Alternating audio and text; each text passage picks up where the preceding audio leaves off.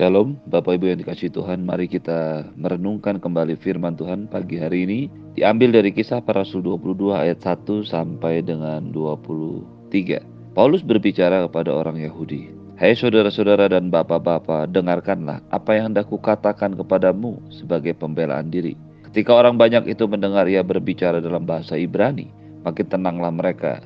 Ia berkata, Aku adalah seorang Yahudi lahir di Tarsus di tanah Kilikia tetapi dibesarkan di kota ini, dididik dengan teliti di bawah pimpinan Gamaliel dalam hukum nenek moyang kita. Sehingga aku menjadi seorang yang giat bekerja bagi Allah, sama seperti kamu semua pada waktu ini. Dan aku telah menganiaya pengikut jalan Tuhan sampai mati. Laki-laki dan perempuan kutangkap dan kuserahkan ke dalam penjara. Tentang hal ini, baik imam besar maupun majelis tua-tua dapat memberi kesaksian dari mereka aku telah membawa surat-surat untuk saudara-saudara di Damsik dan aku telah pergi ke sana untuk menangkap penganut-penganut jalan Tuhan yang terdapat juga di situ dan membawa mereka ke Yerusalem untuk dihukum. Tetapi dalam perjalananku ke sana ketika sudah dekat Damsik yaitu waktu tengah hari tiba-tiba memancarlah cahaya yang menyilaukan dari langit mengelilingi aku. Maka rebalah aku ke tanah dan aku mendengar suara yang berkata kepadaku, Saulus, Saulus, Mengapakah engkau menganiaya aku? Jawabku, siapakah engkau Tuhan? Katanya, akulah Yesus orang Nazaret yang kau aniaya itu. Dan mereka yang menyertai aku memang melihat cahaya itu, tetapi suara dia yang berkata kepadaku, tidak mereka dengar. Maka kataku, Tuhan, apakah yang harus kuperbuat? Kata Tuhan kepadaku, bangkitlah dan pergilah ke Damsik. Di sana akan diberitahukan kepadamu segala sesuatu yang telah ditugaskan kepadamu. Dan karena aku tidak dapat melihat oleh karena cahaya yang menyilaukan itu, maka kawan-kawan perjalananku memegang tanganku dan menuntun aku ke Damsik. Bapak Ibu yang dikasih Tuhan, ketika Paulus sedang berada di Jerusalem melakukan pentahiran dari Nasar seperti yang disarankan oleh Yakobus dan juga para rasul-rasul yang ada, para penatua yang ada di sana. Orang-orang Yahudi yang berasal dari Asia mengetahui dia ada di situ, lalu berteriak-teriak dan menangkap, mencoba membunuh dia. Ketika akhirnya ada pertolongan dari kepala pasukan Romawi beserta dengan prajurit dan para perwiranya, Paulus sebenarnya sudah akan dibawa ke markas. Tetapi ketika dia melihat satu kesempatan untuk menyatakan kebenaran, maka dia tetap berbicara di tengah-tengah kesakitan karena aniaya di tengah-tengah tangan yang terborgol, terbelenggu, dia tetap ingin menyampaikan kebenaran firman Tuhan. Karena dia tahu untuk itulah dia datang melayani di sana. Inilah kata-kata yang tadi kita baca yang merupakan pembelaan diri Paulus sekaligus pemberitaan Injil Paulus kepada orang-orang Yahudi ada di, yang ada di sana. Perhatikan apa yang dia katakan. Dia mengatakan aku adalah orang Yahudi Walaupun lahir di Tarsus di tanah Kilikia, Asia kecil, Turki saat ini, tetapi dibesarkan di Jerusalem. Dia dididik dengan teliti di bawah pimpinan Gamaliel dalam hukum nenek moyang. Gamaliel adalah salah seorang guru, salah seorang pengajar, rabi yang terkenal pada waktu itu. Jadi, Paulus atau Saulus ini adalah seorang Yahudi yang memang belajar, sedang belajar dan menjadi rabi yang baru. Dia berada dalam pengasuhan, dalam mentoring rabi besar Gamaliel yang memang terkenal pada waktu itu. Dia belajar tentang hukum nenek moyang, hukum Taurat. Seperti yang kita ketahui bukan hanya bercerita tentang berisi tentang 10 hukum Taurat tetapi aturan-aturan yang muncul di bawah hukum Taurat itu yang berjumlah kira-kira 613 dididik dengan teliti menunjukkan bahwa Saulus atau Paulus ini bukanlah orang sembarangan. Dia orang yang betul-betul dididik dengan teliti. Ini menunjukkan satu hal yang luar biasa dari apa yang dinamakan bagaimana membuat orang-orang atau agama Yahudi menjadi makin berkembang melalui pemuridan, melalui transfer ilmu. Tiap rabi besar dia akan memiliki calon-calon rabi atau bahkan murid-muridnya yang nantinya akan menjadi rabi. Jadi dengan kata lain, Paulus atau Saulus adalah orang-orang yang memang dididik, dipersiapkan untuk menjadi rabi bersama-sama dengan rabi besar yang lainnya. Dia juga bukan orang yang sekedar belajar, tapi menerapkan semua yang dipelajarinya. Aku menjadi seorang yang giat bekerja bagi Allah, seperti kamu semua pada waktu ini. Mereka merasa, rabi-rabi itu merasa mereka bekerja bagi Allah. Tetapi perhatikan baik-baik apa yang dikatakan dengan bekerja bagi Allah. Di situ dikatakan, aku telah menganiaya pengikut-pengikut jalan Tuhan dengan sampai mereka mati. Laki-laki dan perempuan kutangkap dan kuserahkan ke dalam penjara. Perhatikan baik-baik apa yang dikatakan oleh Saulus di sini. Dia dididik dengan teliti tentang hukum Taurat, hukum Tuhan, hukum nenek moyang kita. Dia merasa dia bekerja giat bagi Allah. Tetapi yang dia kerjakan itu adalah menangkap, menganiaya, bahkan membuat penganut jalan Tuhan mati. Bapak Ibu yang dikasih Tuhan, perhatikan baik-baik. Inilah gambaran dari sebuah ritual agamawi tanpa kehidupan ilahi. Ketika Rasul Paulus, ketika Saulus dididik, diajari hukum Taurat, hukum nenek moyang, tetapi dia tidak pernah bertemu sekalipun dengan Tuhan. Semua yang ada dalam dirinya hanyalah sebuah pengetahuan yang mengisi pikiran dan jiwa sehingga ketika dia merasa bekerja bagi Tuhan, pekerjaannya adalah menangkap, menganiaya, bahkan membunuh pengikut jalan Tuhan.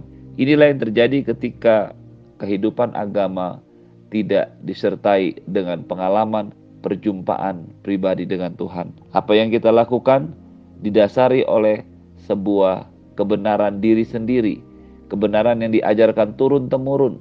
Akhirnya tanpa kehidupan, tanpa perjumpaan pribadi dengan Tuhan, semuanya menjadi sia-sia dan bertentangan dengan kehidupan ilahi yang ada dalam pribadi Tuhan sendiri. Itu sebabnya ketika dia menangkap, kemudian menyerahkan ke dalam penjara, bahkan menganiaya sampai mati, dia tidak pernah merasa bahwa itu adalah sebuah kesalahan. Dia merasa bahwa itu adalah pekerjaan bagi Tuhan. Betapa mengerikannya kehidupan agama tanpa pengenalan yang benar akan Tuhan. Itu sebabnya dengan semangat yang sangat tinggi untuk mencari dan membunuh, menangkap pengikut jalan Tuhan, orang-orang Kristen, Saulus membawa surat-surat dari majelis tua-tua dan imam besar. Dia pergi ke Damsik, tetapi seperti yang diketahui, seperti yang dikatakannya, satu kali ketika dia sudah dekat berada masuk ke dalam kota Damsik, tiba-tiba waktu tengah hari memancarlah cahaya yang menyilaukan dari langit mengelilingi dirinya. Karena tidak tahan dengan cahaya yang menyilaukan, maka Saulus rebah ke tanah dan mendengar suara yang berkata kepadanya, Saulus, Saulus, mengapakah engkau menganiaya aku?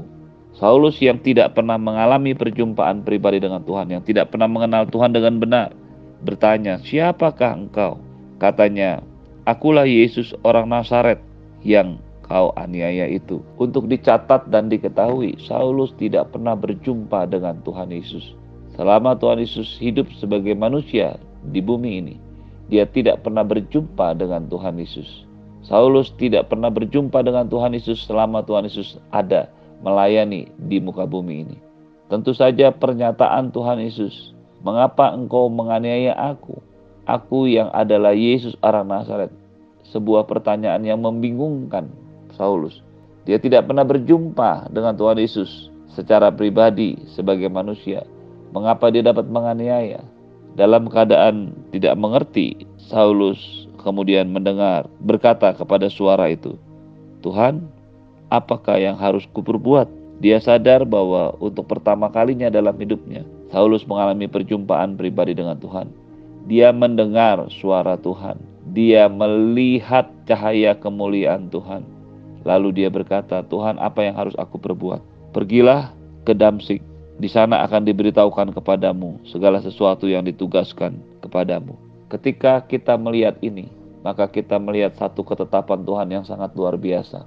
Justru orang-orang seperti Saulus yang paling giat bekerja, merasa paling giat bekerja bagi Tuhan, yang paling giat untuk mencari, menangkap, memenjarakan, bahkan membunuh pengikut jalan Tuhan, orang-orang Kristen.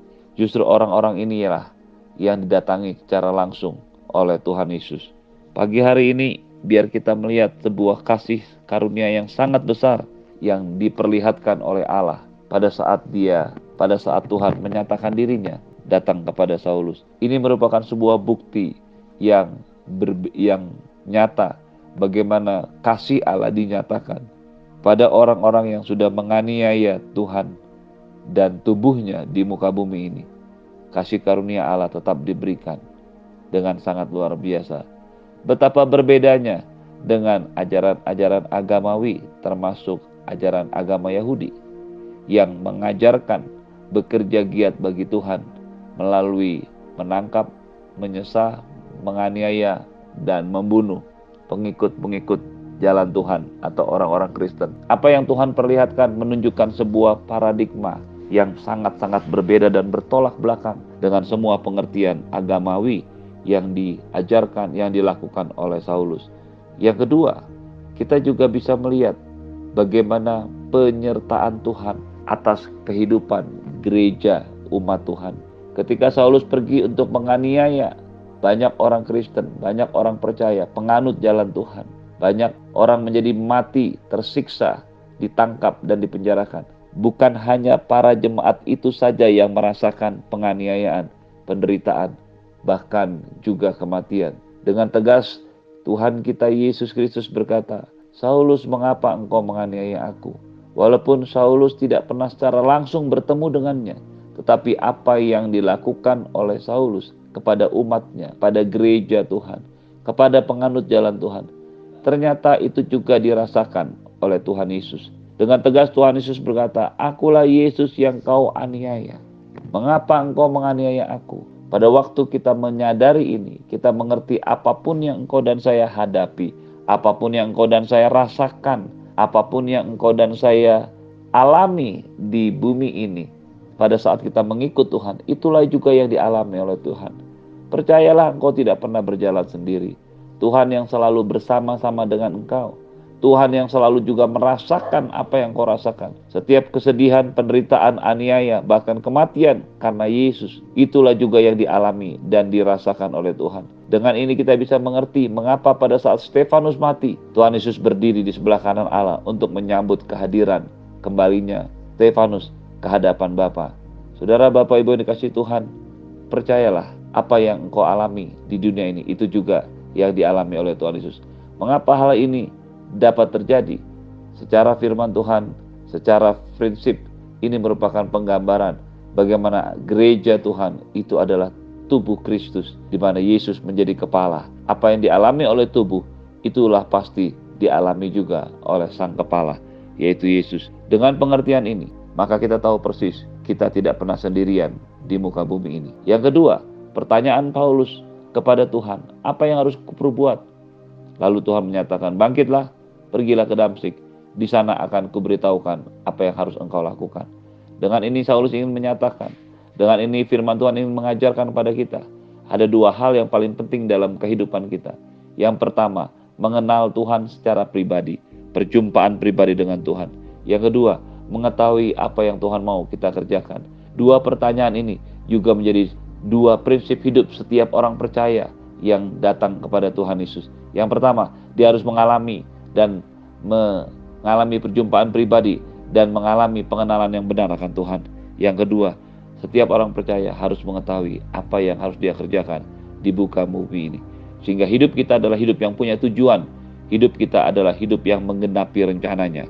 Bukan sekedar hidup mengikuti kebiasaan, pikiran, dan kemauan kita sendiri.